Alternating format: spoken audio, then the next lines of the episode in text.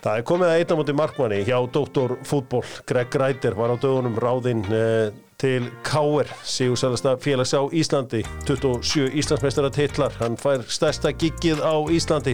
Greg er sestur hjá Dóttor Fútból.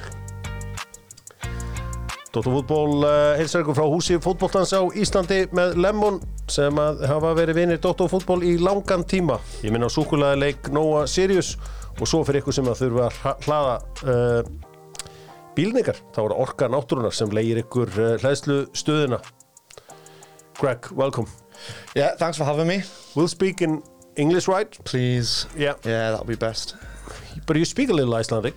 You, I, I can, when we were, you, you could understand, right? Yeah, I think before I left for Denmark, I thought I was I was okay level sort of understanding, and then I replaced it with Danish, and now I'm back to back to zero again. But no, I think I've got a little bit of Icelandic. So, uh, Greg, you know, are you the coach of KR or are you the manager or how should I Yeah, address I, you? I think it's a bit of both. Um, I like to be involved in you know the player recruitment side of things, which I'm guessing you would sort of class that as manager. Um, but also, yeah, big part on the training pitch as well. So I think it's a it's a bit of a crossover. So, uh, you have a quite an interesting background. You're a Geordie, right? That's right. Yeah, You're from the northeast. from Newcastle, correct? Yeah. Yeah, So you're a Newcastle fan? yeah, black and white. Yeah, Yeah. so it's a good fit, colour. Yeah. so you're like you're like seven years old when you were challenging for the league. Seven, eight years old. Can you remember that? Like in 95, 96? yeah, I wasn't going to the games then, but I went to my first game when I was five. Yeah. Um, Andy Cole hat trick against Liverpool, Yeah. won three 0 I was yeah five years old, so as soon as you you walk into the stadium, you get the the hook is put into you, and it's uh, it's been there ever since. So that was my first sort of uh, experience in football. Yeah. Yeah. I was reading a, a great book the other day about uh, the 95 96 season at Yeah. Newcastle when they came so close. And it's a massive uh, tactical error from uh, Kevin Keegan. He signs Faustino Asprilla um, and he takes Gillespie out of the team. So the crosses stop coming in for Les Ferdinand.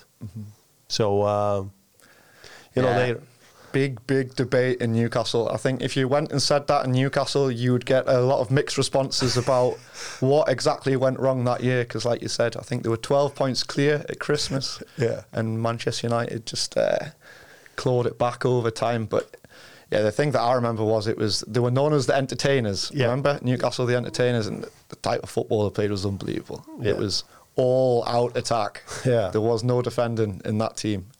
Um, but yeah, it was it was a good time to be a Newcastle supporter at least. Yeah. So is that a little bit what Ryder ball is going to look like? Is that what you're going to phrase your type of football? I ball. I don't think there's any team that play like that now. Oh. I don't see any teams that play like Newcastle did in the nineties. Um, no, I think I think my type of football um, is going to be high intensity in Mm. terms of in and out of possession. You know, we're gonna we're gonna press. We want to get the crowd on our side. You know, when you you know that atmosphere you get when you play at KR when you get periods of games when you're the opposition and you feel like it's just really tough. Like the crowd are on KR's side and they're, they're pressing and they're fighting for the balls and there's duels and you, as the opposition you feel like right we've just got to get through this sort of next five ten minutes to survive this. Yeah. I want that over a 90 minute period if Yeah. possible. You know that's the, that's the dream. Yeah. I know that's not reality but as close to that as possible. That kind of environment when when teams go there to play.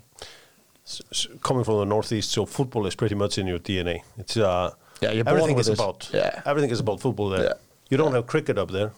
What's cricket? Yeah, I mean, so that's that's the. Uh, I think Kevin Keegan said that the people in London went to the theatre and so on, and but you went to the football. Yeah, yeah, it's it's absolutely in your blood. Um, it affects people's just daily lives. Um, I actually I went down to Dortmund just last week Yeah. to watch Newcastle Dortmund. I thought it was closer than it was because I drove down from Denmark. I thought it was closer, but it was a long way. but I got there, and there's no exaggeration. There's there's over ten thousand Newcastle fans down there. There's only three thousand tickets, so there's at least seven thousand have just come down just for the Yeah. for the atmosphere. I think that sums up perfectly the way the club is. It's it's, it's crazy. It's on a different level that you can't really describe it unless you're sort of in it. It's uh, it's crazy. Yeah. So, uh, but at what you obviously were playing football as a kid and so on, but Mm. when did you realize you were not going to make it in the professional game? So I think it was around the age of sort of 16. I'd been in and around Newcastle um, School of Excellence at that time. So that's like the bit before the academy they have in England, like a School of Excellence. Yeah. And I was I wasn't quite good enough then to go to a professional level. I had some options like in lower lower leagues in England, Yeah. but uh, it's not really a career. Um, and then I got offered a scholarship in the United States, where I was obviously got my education paid for me. Yeah. Um, played football for five years, and to be honest, it was probably uh, it was probably the best decision I ever made going there because that's when I decided I want to coach. So you're 88. So the guys who were playing you every week were like, was it like Jonny Evans and is it Danny Welbeck and is it Jordan Henderson and is Yeah. it, is it it's around that age group, Andy, right? Andy Carroll was in the academy when I was. Yeah. uh, Fraser Forster. I played with Fraser Forster. Who was obviously so it was in Newcastle terms. It was those guys who were in and around the club at that time. Yeah. Yeah. Yeah. So, so Fraser, wa- was he that big and strong just when he was five? Or He knew what cricket was. He Yeah. was better at cricket than he was at football, Fraser Forster. Um, and rugby. I think football was like his fifth, third sport, which was so annoying because obviously he went on and be a professional. But uh, yeah, those were the guys. So I mean, do you think it would have helped your career to have a career as a player yourself? Like imagine like you had played 170 times for Middlesbrough as a right back. I don't think that would have helped me playing for Middlesbrough. no, but yeah, I, of course. If you'd play the game, if I'd played the game, I felt it would have given me more.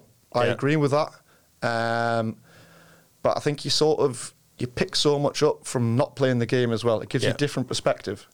And I think one of the biggest things that's helped me in the last couple of years is I've worked with Daniel Agger for now for two years Yeah.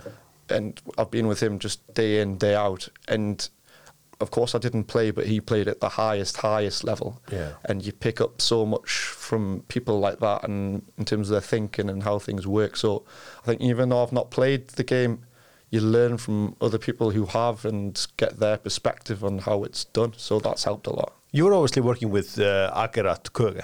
So sometimes, I mean, he was new into coaching, and you had uh, all these years at Þróttur and Thor and youth coaching in Iceland and so on. Were you never thinking like, wait a minute, I, I know more about coaching than he does? Or No. Um, He had life experience in the game, experience playing in Champions League, playing in title challenges. So it's different. Of course, you hadn't you hadn't coached, but you played football and you gained some unbelievable experience. So yeah, there was different things that I could bring to the table to what he could. But that's why I think we we had a good sort of relationship and a very good team. do, do you draw inspiration from the likes of, you know, Arrigo Sacchi and, uh, yeah, Jose Mourinho, if you like, who, who have really made it to the top without playing at the top? Like Sacchi didn't play at all, I think. Yeah, of course. I think it's it makes it possible. Yeah. You know, I think it is harder to do it the way that I'm doing it. It's more challenging, but I think it's t- challenging on two ways. It's challenging because of network. You know, because the people that you get to know through a playing career, you don't have that network. And then, secondly, like you brought up, like the experience of actually playing at a high level, you don't you don't have that, and therefore you have to rely on others and learn from them. But I think if you're open minded and you work really really hard, then you can get that information. Yeah, but but like when you're instructing players and so on, do you, do you think like, hey, you know, if I had a footballing career, uh, I could maybe, you know, they would. If, if if you're listening to someone who hadn't played the game, Yeah, hey, please don't turn there, yeah, yeah, yeah. or you know, Yeah, yeah, of course, I think those things can help. But I think when you study the game and you're in the game for as long as I've been in the game now, I know I'm only 35, but I've been studying the game for decades. Yeah. and uh, you pick up so much just from working with players. Because, of course, when you're coaching, if you're coaching a player like I've coached, for example, there's a guy at HBK now called Mike Jensen who's he played at Denmark, he was captain of Rosenborg. Of course, I pick up little bits from him as well. It's a two way street. Yeah. You've got to learn from the people you work with and vice versa. So it's not like I'm going to go into a game and tell this guy, okay, you have to do it like this. Yeah. It's more about educating those on how I want to play the game in terms of tactical stuff. It's not teaching them how to play football, not at that level. You have a very unusual career. I mean, it must. Well, it, it says a lot about a, a guy that he leaves the Northeast to go coaching in the Westman Islands.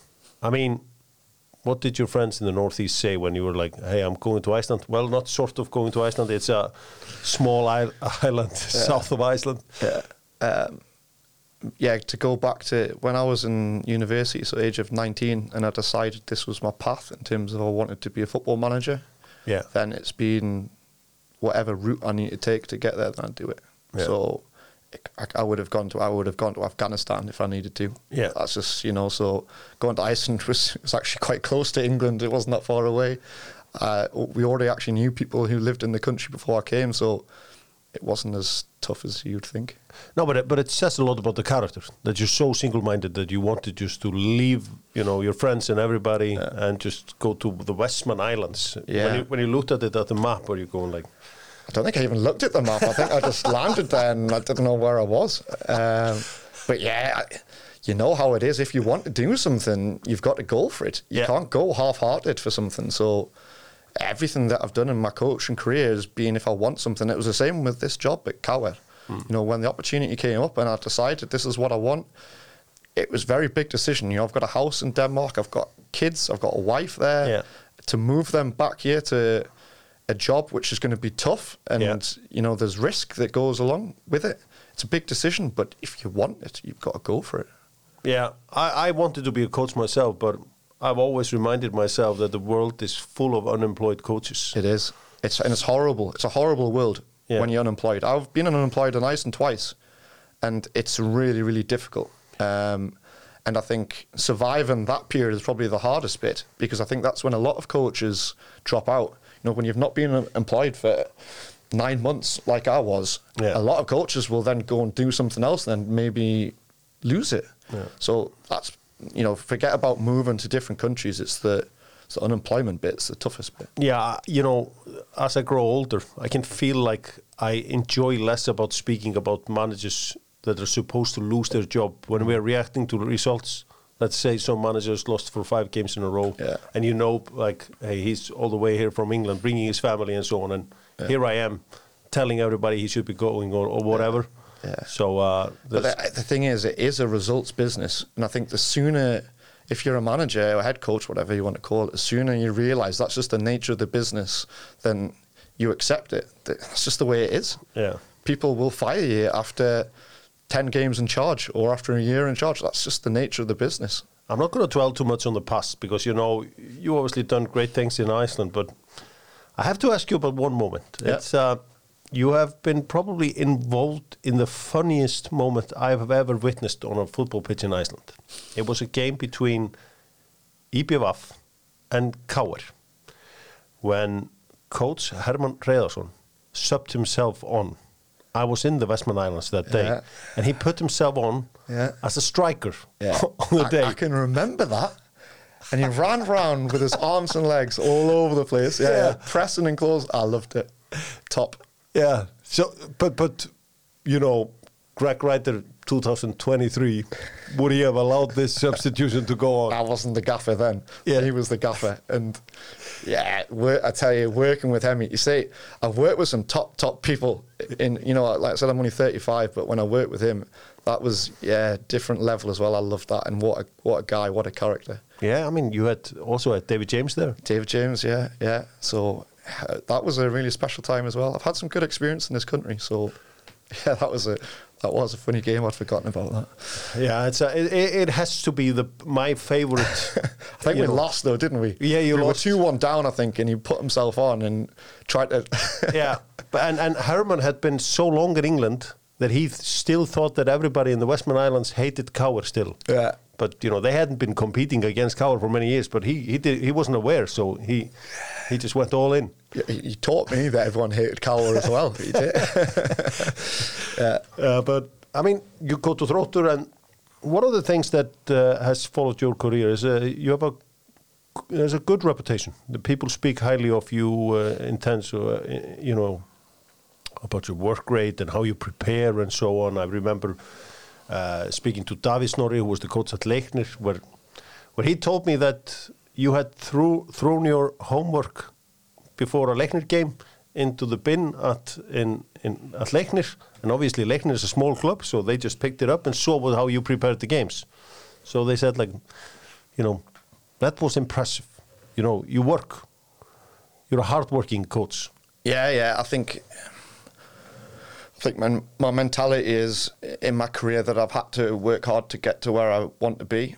I think I've got the KR now because I work hard and I expect that of the players and my staff around me that I think a lot can be achieved with hard work and when you went to ask me before about playing style, I think the fundamentals is hard work. I think if you put hard work into things, normally you get in what you put, Mm. you know, what you, what you get out of it. So, um, yeah, I like I put a lot of hard work in. Um, I'm always learning. I'm always trying to be better, Yeah. um, and that's important. I think. I promise you not to speak too much about the past because we're focusing on KR this time. But but you know, you got criticized in 2016 when you had Þróttur that it was a bit naive how you dealt with the preseason in Iceland. I've spoken to some of your players in 2016 and they said like, well, we started so late. And I can imagine for someone who comes from England that he thinks like, hey, in England we have a month-long preseason. Five months is enough to get the guys in shape. But you know, people felt like you started late that year and and it was yeah, a bit naive. Yeah, I think you could list a lot more mistakes than that one. To be honest, I made a hell of a lot of mistakes. Yeah. we could talk about a number of different things I did wrong, but and that was one of them, hundred percent. Um, and I think this is what happens when you're a young coach. Yeah. What would I have been? Twenty six then? I think twenty seven maybe. Yeah. you know, of course you're going to make these mistakes, And- Yeah. but that's why I think that's why it was so good for me working, you know, in Iceland as a 25 year old and Yeah. making. I was allowed to make these mistakes to an, to an extent. I Yeah. could make these mistakes, and I did make those mistakes. Of course, if I hadn't have learned from these mistakes, it would have been a problem. Hmm. But for example, yesterday we we had our first training session with KR, and all players were in the session, and we started the session with a high speed running test. Yeah. Which the players I don't think were used to. No. they weren't expecting it.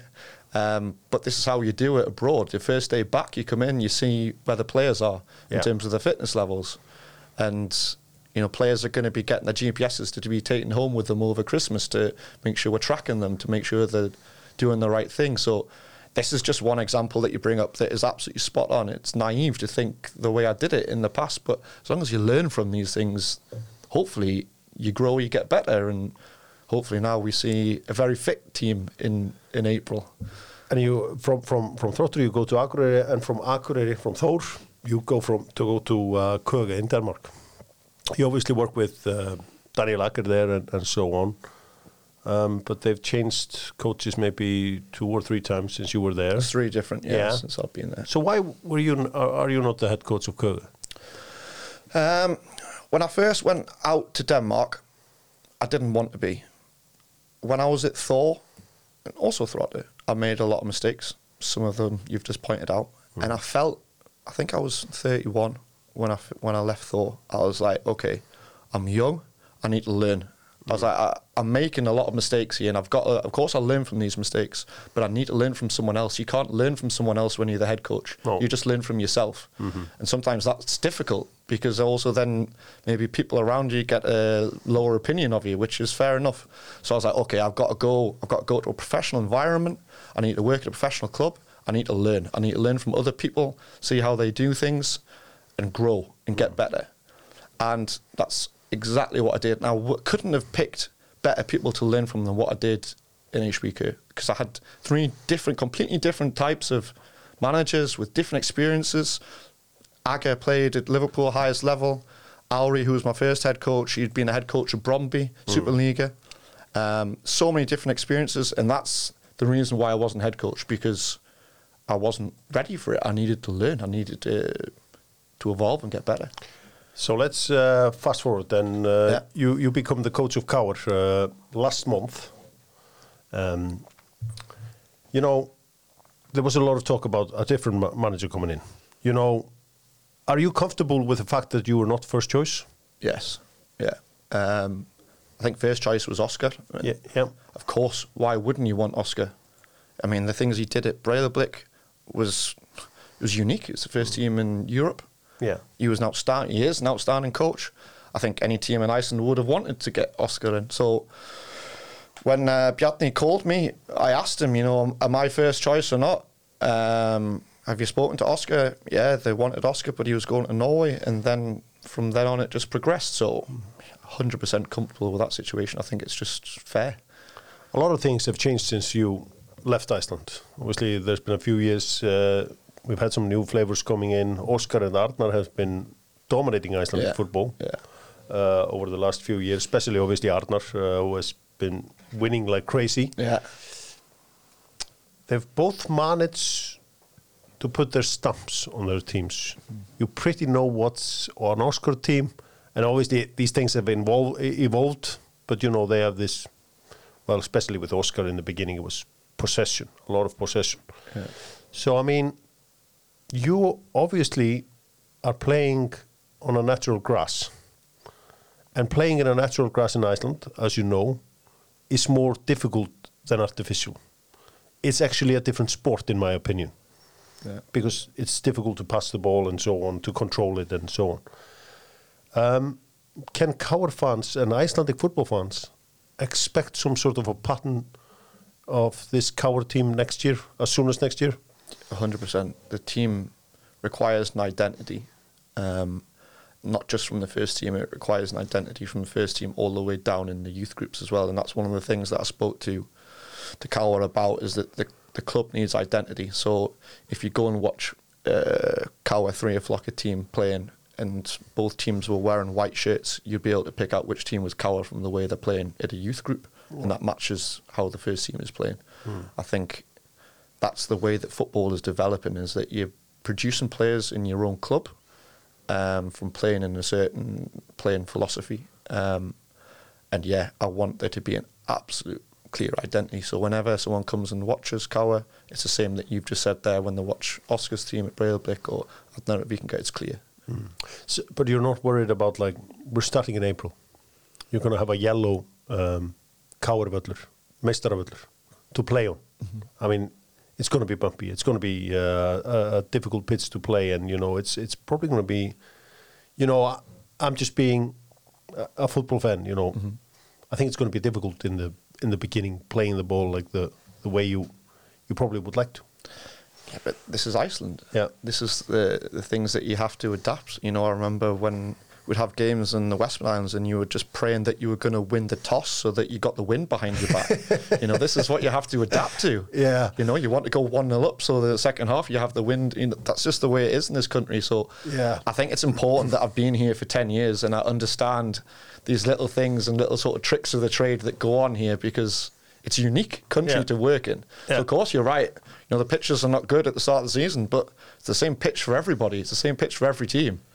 You know, for the last 20 years, the only one who has won anything with Káar has been Rúna Kristinsson.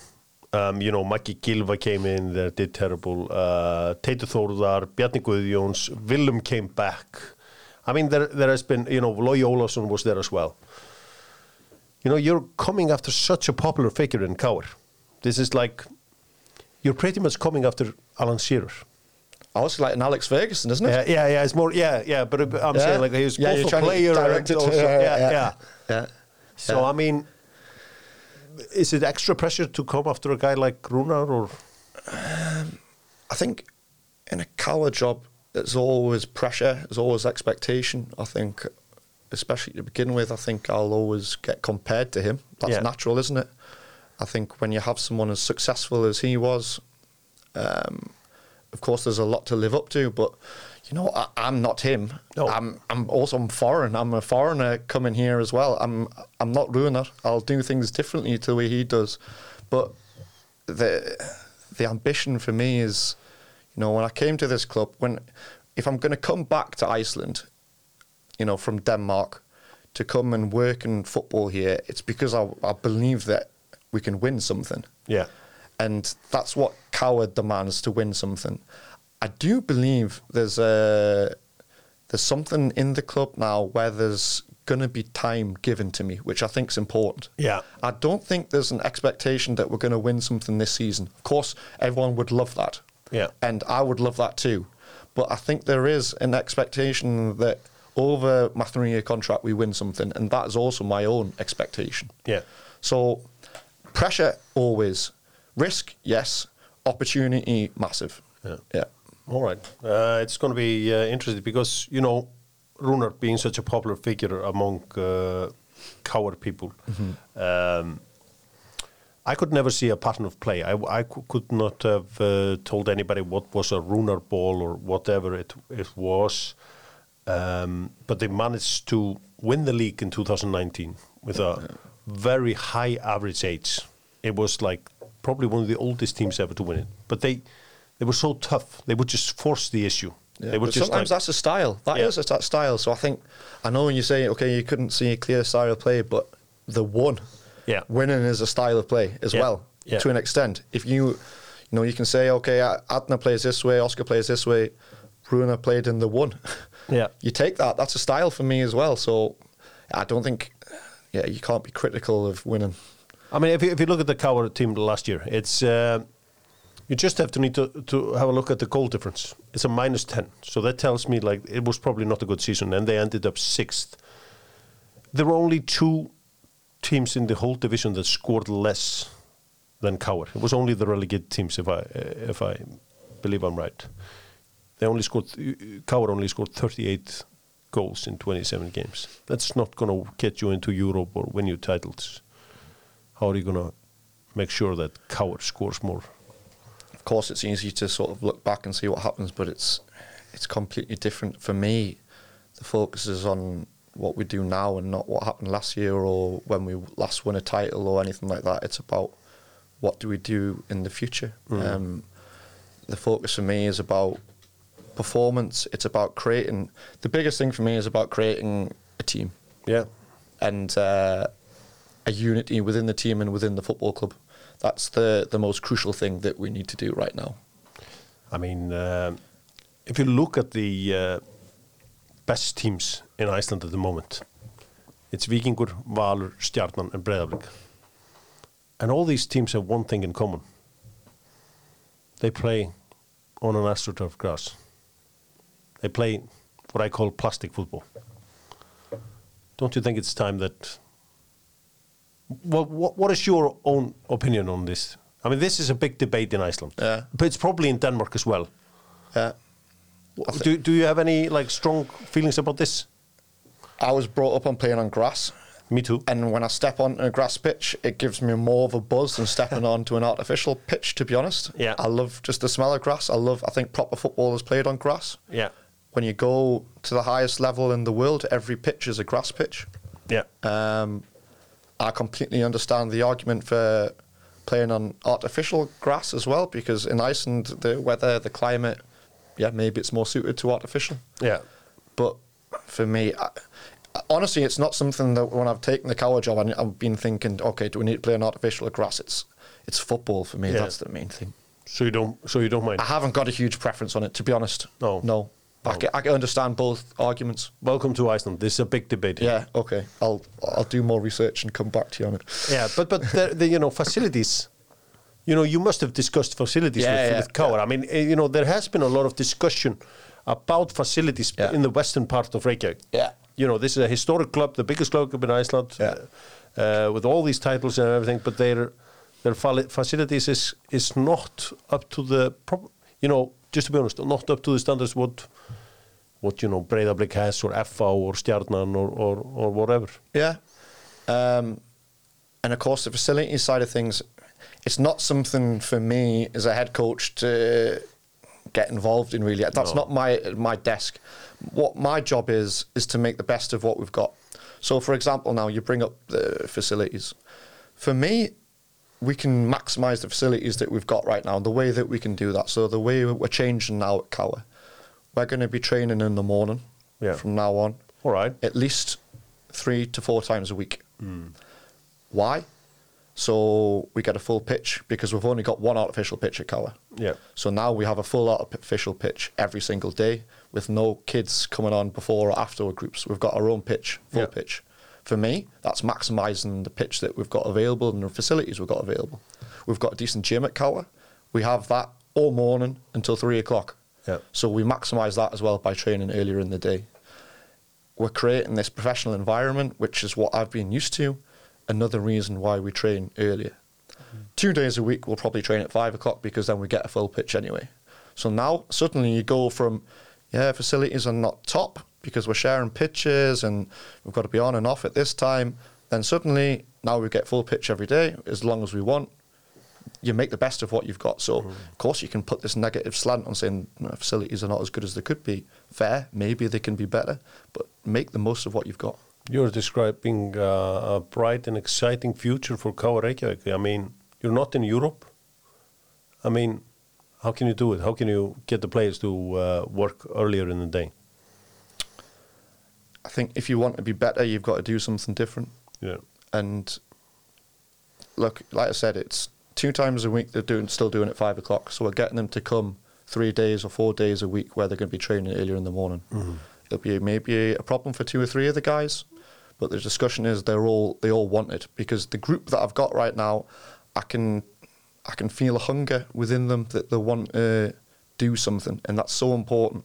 The type of players that we're looking to bring in, um, they're guys that also want this. They want they're hungry. They want this professional attitude. Yeah. I think if if if there's a will, there's a way to do it. That's Yeah. the key thing. And this is also like you asked me before about my mentality. Why did you end up in Iceland? It's because I, I want it. You know, I want it, I want this career. I want to make something out of it. And it's the same for the players. If they if you want to make something out of your career, then maybe you have to sacrifice a little something. It might be that you go into your job a little bit later, or you have to take an extra hour off, or you have to work a little bit later in the day. If that's what you want to be a better footballer, that's what you have to do. And the group I've got now, they want that. Who's going to be your assistant at KR? Same assistant, Oli. Oli, yeah, the Norwegian uh, Yeah. that was with uh, Runar. Yeah, yeah, yeah, exactly. So Yeah. you have uh, any uh, relations with him, or did you know I him earlier? before. No, I didn't Oh. have anything before I took the job, but I've got to know him well, and he's a he's a top guy, and obviously very very good at his job. Uh, pro license coach. Um, he's ambitious coach as well. Um, very good analyst, very good um, tactically and good with the players. So yeah, I was I was very pleased that he wanted to stay. I'm sure there was interest um, from Fram Yeah. to take him to go with Runar.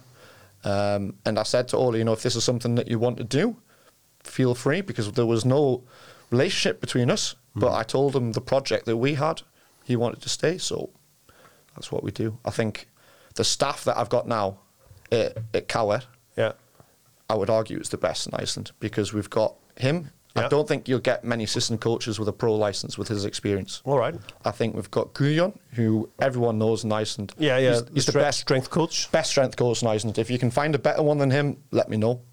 And then you've got Jamie Brassington, who is under 21 national team goalkeeper coach. The who- big man, the big man himself. Exactly, the big man himself, who I hired at Þróttur. Yeah, I also man. worked with Guyon at Þróttur. Yeah. So I've had this staff before. It's top, top, top level for this country, Hmm. I believe. So I think the staff is looking really, really good. And I think that's also that's exciting that we've got the fundamentals, the basics behind the squad. What are you going to do? Let's talk. Let's talk players. Yeah. Um, the goalkeeper, goalkeeping situation. yeah. You know, you had Kjellevold and you had Aron last year. Um, who's going to be a goalkeeper at KR next year? There'll be a new goalkeeper. Yeah, So we're going to bring in a new number one. Ögmundur. I can't say any names. I think all the players that we're speaking to right now are all under contract, Yeah. as far as I'm aware. So I think it's not professional for me to start throwing names in when they're contracted with another team. Um, but there'll be a new goalkeeper at KR next year, Yeah, maybe two new goalkeepers. Maybe three. Yeah. No, no, You need a backup. no, no. There's we're, we've got good goalkeepers there. There are good goalkeepers. Um, I just feel we need something different. Yeah. Um, I feel like we need a number one, so that's what we'll do. Let's talk uh, more about players. Um, as soon as you were signed, uh, as soon as you signed, two key players players left you. Yeah. Kenny Chopart and Kitty. Yeah. Kristinn Jónsson. Yeah. The left back and the right back. Yeah. Just gone the day after you leave. Wa- Was that your decision to not renegotiate? Um, so I think there were there were separate incidents. I think Kenny that had already started to happen before I came in. I think he was already. I never actually spoke to Kenny myself. yeah. So that was a decision that was already sort of in process. Um, I think he wanted a new challenge. Um, so that was already happening. Kitty, I met with Kitty myself. So he was the first person I met with because I knew he was out of contract. And situation with Kitty was I wanted Kitty to stay. Yeah. Um, but the issue for Kitty was the 12 o'clock training. Yeah. He's got a good job, um, and he, it was really, really hard for him to change that. And I said to him, "This is a change, like you said before. How are we going to do this? You know, this change by training like a professional club when people are working." And yeah, maybe it was a small sacrifice that he he wasn't able to continue because of his job. But is it, is this uh, uh, you know is there a, a step into a new direction at KR now? Now you're letting players go in their thirties. You know, uh, is are you? I wouldn't say that he was they were let go because of their age. I All right. wouldn't. I think, you know, I've, I've been a young coach, and I think the age is just a number. So I'm not a big believer in that. Um, but there is a new direction in KR that we want to bring young players through. That's a new direction that we want to bring new players through our own um, youth system, and also sign new young players to hopefully develop and, and sell on. Yeah, uh, it's obviously a lot of talk about Benoný Breki. Yeah. I think he was uh, in the uh, later stages in our so-called playoffs. We have these, as you know, we have Yeah, these so- five games in the end of the season. I think he was the top goal scorer. I think he scored five in five. Uh, exciting player. Exciting player. Obviously, Gautaborg are in for him. Mm-hmm. Um, are you expecting him to be a KR player next year? I think there's a few few teams in for him, to be honest. All right. I think that's just one of them. Um, I hope he's not. I Yeah. hope he goes abroad because everything that I've seen of him, he's really, really exciting. And if a team is prepared to come in and pay money for him, hmm. then that means that they're going to be invested in developing him, making him a better player. And what we want to do at, KR now is produce that type of player to go and play abroad. Yeah. So if he go, you know, if he gets an offer to go abroad and it's a good offer and the club really want him and he's going to play, then he should take that. I think that's what we're trying to do at KR. We're trying to produce players. So I mean, I mean, it's no denying you need players. You need a lot of players, I think. You How know, many do you think? well, I would. I- well, we don't have a transfer market here in Iceland. Well, not really. Where are you going to get these players? You know, we we all seen when Bjarni came in with Henrik Böttger and we got the Danish Revolution in 2015-16, where every player was from Irland or whatever. and that's not for me the coward way. But how are we going to find players? I think regarding players, the key thing for me is getting the right player in. Hmm. It's got to be, and when I say right player, character, leadership, they've got to be mentally winning mentality. Hmm. And I think the key is getting the right person in. So I know, like, there'll be obviously KR supporters listening to this now, and they'll be like, okay, we need to sign players. Just like you said, we need players. I agree. But we've got to get the right players in. And if that means waiting for the right one to come up, I will do that. I won't. I won't go and sign a player tomorrow just because of his name, No. or because he's played at certain clubs, or because he has a really, really, or he had a really, really good reputation in Iceland. I'll get him in because he's going to make the team better. Hmm. He sit, he fits the style of play that we want to create, the right profile, and then we'll sign the player. It's not because of anything else Do you have a wish list? we've got we've basically got a profile for every position that we want in hmm. terms of characteristics that the player needs to have mentally physically technically tactically. And when we identify a player we tick off the boxes to see how many of those that player has. And once we've narrowed down that massive massive group of players then yeah you, you could say you produce basically we've got we call it a depth chart. We've got a depth chart where we've got three or four players in every position, and we say, is this the guy that we want? And then we pursue the ones that we want. But Greg, where are those players going to come from? I mean, you know, it's uh, soon will be December here in Iceland. Um, yeah, well, everywhere. I mean, where are you going to find those players? There's players all over the world. Yeah, So, you, so you're pretty much telling me y- you're going to look abroad. I think if I tell you, I would be giving away secrets. Yeah. I, I hope that when we make our first signing, then that's a, a good sort of signal of our intent. That's all yeah. I can say. Can you tell me about one player you're in for? No, I couldn't tell you a single name. No, Oh. sorry. So what's uh, Gregg Ryder? What's a Ryder? What does a Ryder ball look like? Is that uh, is that the system or is it the pattern of play or what is it? Is no, it I, I wouldn't say a fixed system or fixed formation. I think it's about the principles, agreements that you you, you stick to. Um, it's about a mentality. Um, like I said at the start of the show, I want to get the fans involved. I want to create the atmosphere and doing that with a style of intense football. Yeah. You know, high pressure, high intensity, going into duels showing that you're fighting for the club, and then pairing that up with an in possession game where you try to play football, you try to play through the force of the pitch, you try to build up, you try to play attractive football. Yeah. Listen, I think every you know, when you speak to any coach, though, they often say this. This sounds like quite a generic way of of playing, right?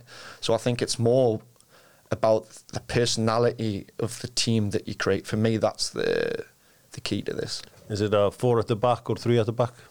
Depends. Depends. I'm open. Yeah. Di Laurentiis, the Napoli owner, was uh, hiring a new coach, and um, he only wanted coaches who could play four at the back because. Italian coaches like three at the back. Yeah, yeah. No, I've one of the things again that I've learned. I've played in different. For, I've learned different formations, different styles.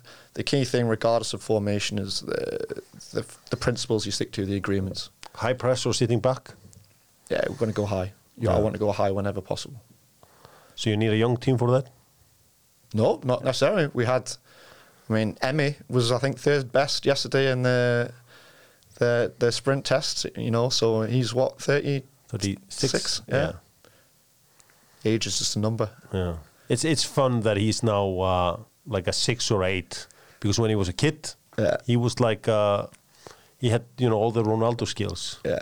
He yeah. did the flicks on Yeah, behind. He was he was just like a But he, he, I tell you what, he looks after himself so well. Yeah. Y- you can tell he's been professional ball because I looked at him yesterday and he's just not a little bit of fat on him, and he was doing this test flying past the young guys. I think yeah, that's top. That shows you know mentality. That's the kind of thing we need.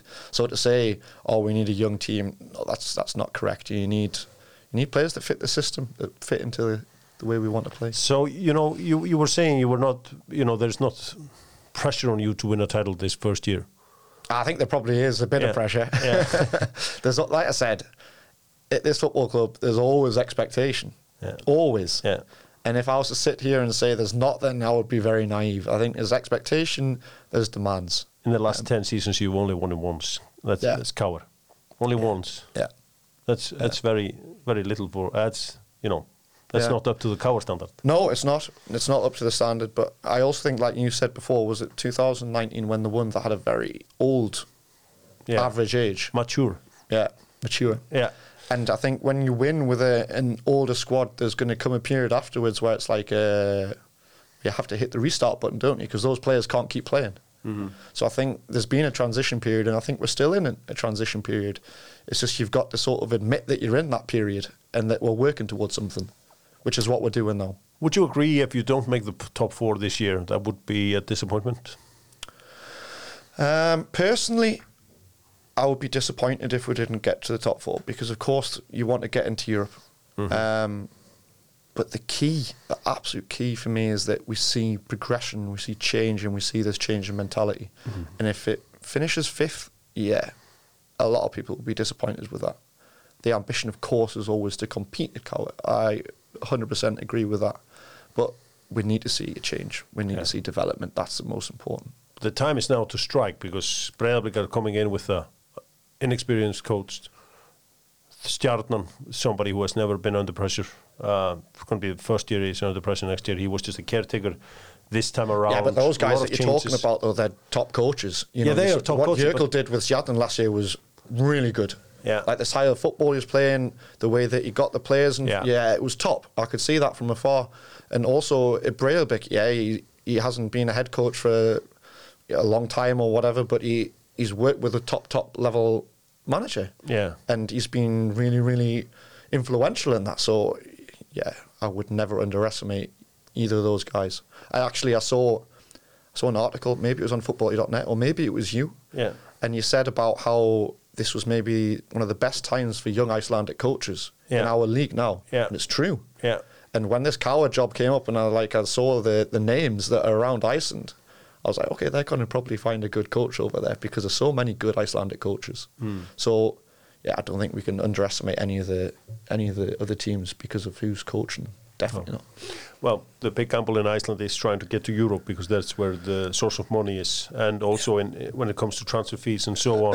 Have you been promised that any money that comes in for Benny you will get as a war chest for your uh, strengthening your team? No, um, when when we had the conversations, one of one of the questions for me wasn't about the money. Um, it was about could we do things like can we train at twelve o'clock? Can Yeah. we make this a professional club? It was more that line. You know, can we align the youth with the first team? Am I going to have the power, if you want to call it that, to be able to change things in the football club to allow it to be a red line through the club? Am I going to be able to unite the fans and get them on board?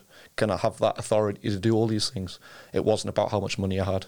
You have looked at detailed stats from last year and the pattern of play and so on. What are you going to change? What will we see? What, what's going to be the big difference from? Uh, It's not. I, it's not that I want to look at back what happened last year. I wasn't here last year, and it, I think it's hard for me to say, "Oh, we should have done that better." That it wasn't me. So for me, I look forward. Of course, I've looked at what happened last year, but for me, it's about implementing the style of play and the way that I want to play and how I want to do things and the mentality. That's what I want to do. Yeah. I mean, uh, I have a lot of, you know, let's go into the fun stuff. Yeah, yeah, There's a plenty of uh, questions. Uh, you know, a lot of questions. Uh, would you like to get Victor Jonsson from Akranes after your, uh, you know, uh, fantastic uh, work together at Þróttur? Yeah, he was what a top guy he is. Yeah, he's top player. He's done really well last year as well, didn't he? He scored a lot of goals. Yeah. Yeah, but yeah, he's doing really well Akranes, and I hope he, when he plays for Akranes this year, he scores as many goals as he did last year, and just none against us. All right. Um, well, you know, some of the questions here are very strange, but uh, is the Ryder Cup named after you? Maybe somewhere down the line, possibly. you never know. Yeah. as, a, as a good question here, let's say um, Robert Wessman, the uh, the pharmacy, the pharma tycoon in Iceland, Yeah. the Alvotech owner, he would sit with you in his own personal uh, wine bar, Serenin, in Laugavegur, and say, Greg, I'll tell you, Greg, you can sign any player in the world. Money is not an issue. Just go out, sign him, and bring him to Cower. Who would you bring? And I, I, I you know, just uh, as an enjoyment, uh, childish question. Okay, can we go for like a really random one? Yeah, just I'm going to go really random. Okay. Yeah. So the other day, I was looking on on uh, social media, and there was an ex Newcastle player who's currently looking for a club. Yeah, Papiss Cissé. yeah, Remember him? yeah, He's 33. Yeah. Okay, so yeah, he's still got a couple of years left in him. Yeah. He's desperate to play. yeah, He likes black and white. yeah. I would say I think I think he could score a couple of goals for us. Get Yeah. Papiss Cissé to Iceland. Remember his slicing goal at Chelsea. Chelsea, yeah. Yeah. I would like to see some of that. Yeah. It looks good in black and white. I actually thought about this question when it came in. I, I would bring in Jude Bellingham. Do you think, would, you think he would leave Madrid? No, yeah, I'm, I'm saying like he's willing to give you any player in the world. is, he, is he willing to come? Yeah, I mean that was the world I was creating. So, so from that Ah, so you're talking about best. I think Jude Bellingham is one of the best footballers in the world right now. so you would, if, if Robert would pr- promise you any player in the world, he was promising everything. Yeah, I wouldn't go Messi. I wouldn't go Ronaldo. No. I wouldn't go that way. I'd go for a Haaland, Yeah. or I'd go for Jude Bellingham, or yeah, something down. Pick one. I'm, I'm a Newcastle fan, so I'm gonna have to pick a Newcastle player. I'm gonna pick uh, Anthony Gordon. Yeah, I'm gonna sign Anthony Gordon. yeah, I love him. yeah. High pressing. High pressure, work rate, quick, scores goals. Shocking, he's not in the England squad. Yeah, Might sign for Scotland now instead. yeah. So yeah, you- I'm going Anthony Gordon. Yeah. So let's go up north and sign uh, Anthony Gordon then. Now, um, Carroll or Shola Ameobi? A lot of Newcastle fans asking here. I know Shola actually. Shola did a did a speech at my brother's wedding. All right. It was so funny. So I've got to go Shola all day long. Yeah, I've heard the Ameobi family is the nicest family in football. Yeah, they played in Iceland. Tommy. Tommy. Tommy was at uh, Grindavík. and Ísafjörður, I think. Yeah, yeah, he was at Grindavík yeah, yeah. yeah, yeah. yeah. A Um, lovely family. Yeah. Uh, Auki asks, uh, you know, what has to happen so KR will be a champion in two or three years' time? I can't wait any longer. Yeah, I think it's just basically everything that I've been speaking about now, isn't it? I think it's about, you know, getting the club back in terms of the feel, getting the supporters involved, getting the team to be a real football team, um, creating a, a true culture within the club. I think once we do that, then I feel like anything's possible. I feel if supporters are getting on board with us, I feel like the board are on board. I feel like the players are there. I think once we get everything together, yeah, anything's possible. Christian asks, what food from Iceland did you miss the most? Fish. Fish, yeah. All day. They don't do fish in Denmark. It's shocking. I, I was, de- yeah, all day. Uh, Cod, proper, oh, yeah, yeah. As soon as I came back to, when I came for KR for the for the uh, press conference, we went out. I had cod for lunch and then I had blueling for dinner. So fish all day. Fish all day. And the water, Icelandic water. Yeah. So, so uh, something that. Uh, so, so uh, are you uh, about the language? Yeah. Are you willing to try to speak Icelandic, or you know, when we'll interview you next summer, will you speak So you give me Icelandic? one year to learn Icelandic. Well, you have some time before. Of course, I should. I, it was one of my biggest regrets when I last time I was here. So my wife is on me. She's Icelandic. I've got an Icelandic wife. Yeah. And she's yeah, she's not happy with me that I don't speak it. So my kids speak it. My wife speaks it. I've got no excuse. So yeah, I need to learn it. I think the best way is probably reading children books. yeah, I th- yeah. Everyone just speaks so good English. Yeah. Everyone though. Yeah. Here speaks so good English, and I find that as soon as I try to say something in Icelandic, Yeah. they just answer me in English. I must, yeah, I must be shocking. Yeah. So uh, yeah, I think we'll uh, leave it at there with uh, all the questions here from uh, you know yeah Yeah. you know people telling you to go to the swimming pool, go to Cafe West, which is a coffee place there. And There's there's a shop called Melabúðin you should go to. They tell me, and they have an ice cream. Where's the best there. fish? Ask The them where the best- best fish is because Yeah. I need a I need a good fish. Uh, that's at La Primavera in Grandi. You know where Grandi Yeah, is? Yeah, yeah. it's in- on the west. You you go there. Okay. So Top. that's top top. Okay. That's uh, that's my man there. Okay. Um, so anything uh, you know, something you want to, s- if you could speak directly to people who like KR and uh, want them to do well.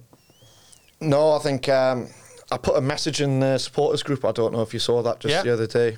Um, I think, yeah, like I've spoke about a lot now, just in this in this talk, is how much I, I want everyone to get together. I want them to be proud of the, the team that we're going to create. I want the, a unity in in Vesterby. I want everyone to be together. Um, I want to feel. I spoke to the team last night, and I want to create like a siege mentality. I Yeah. want it to be us against the world, and uh, I just hope that they, the supporters, give us time and that they they jump in with us because we need them. So Einar Bjarni is coming to meet you. He says, "What drink can I buy?" Uh, Gregg Ryder. Um, um, I'm a big beer man. I like my beer. Yeah. Red wine, whiskey. Yeah. Out of those three, yeah, you're in. He is in. uh, uh, that was the best question he could come up with. That's a Uh, good question. I like it. if he brings me those as well, I'll be very happy. Yeah, he- he'll do. Um, so, uh, Gregg, all the best uh, at KR. Yeah, and uh, thanks for having me. It's been a pleasure. I, I'm really happy to have a foreign voice in the Icelandic environment. We needed that. Okay. It's it's, uh, it's an it, it was a surprise to us in Iceland that you know you know how things happen you know quickly in football. You know, I had pretty much forgotten the name Gregg Ryder.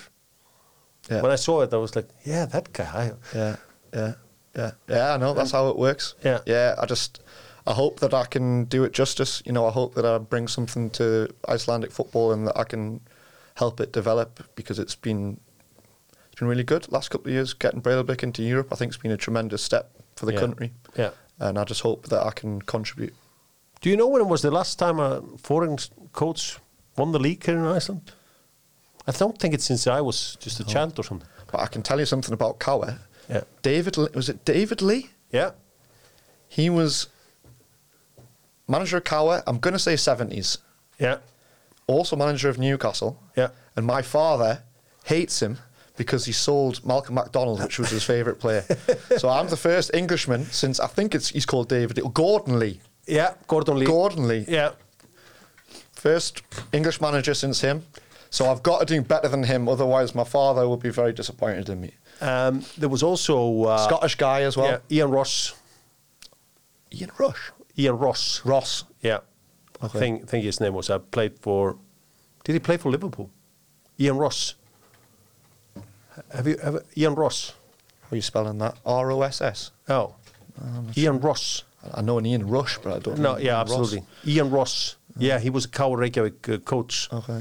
And uh, he was al- also the coach of. I was a caretaker at Wolverhampton. He Okay. co- he won the league with Valur, Okay. and he took over from Huddersfield in 92, 93. Is he Scottish? Or was he English? Yeah, from Glasgow. Yeah, okay. So, uh, Yeah. so there has been a one or two. Yeah, Uh, there's been a couple. I think there was a Czech who was a coach at Cower in the early 90s called Ivan Sokor. Okay. So uh, Cower has, you know, Teitur Thorlason was pretty much a Norwegian more than an Icelandic. Okay. He changed a lot how they coach, uh, trained there. Yeah. Uh, he came there before the crash, I would say 2006, 2007, something yeah. like that. Okay. Okay. Yeah. So, yeah. uh, So they've had a couple in there. They've had Yeah. a couple of foreigners. Yeah. Yeah. But I've just got to do better than Gordon Lee. Then I'm happy. Sure, you'll do well, and uh, I, I, I actually hope you do well at KR. We need us in the media. Yeah. We need KR to do well Yeah. because when KR does well, there's more, you know, discussions about football and more, you know, and We all KR is a, need KR to do well. They, they need to be up there. That's where they belong. yeah. Thanks and uh, enjoy your time here in Iceland, and you will be coming back to Iceland full time from Køge in the beginning of December. Fourth of December. Yeah. Yeah. Yeah. then I'll stop. Yeah. Hundred percent. Hundred percent. Thanks, man. Yeah. Thanks a lot. Thank you. Thank you.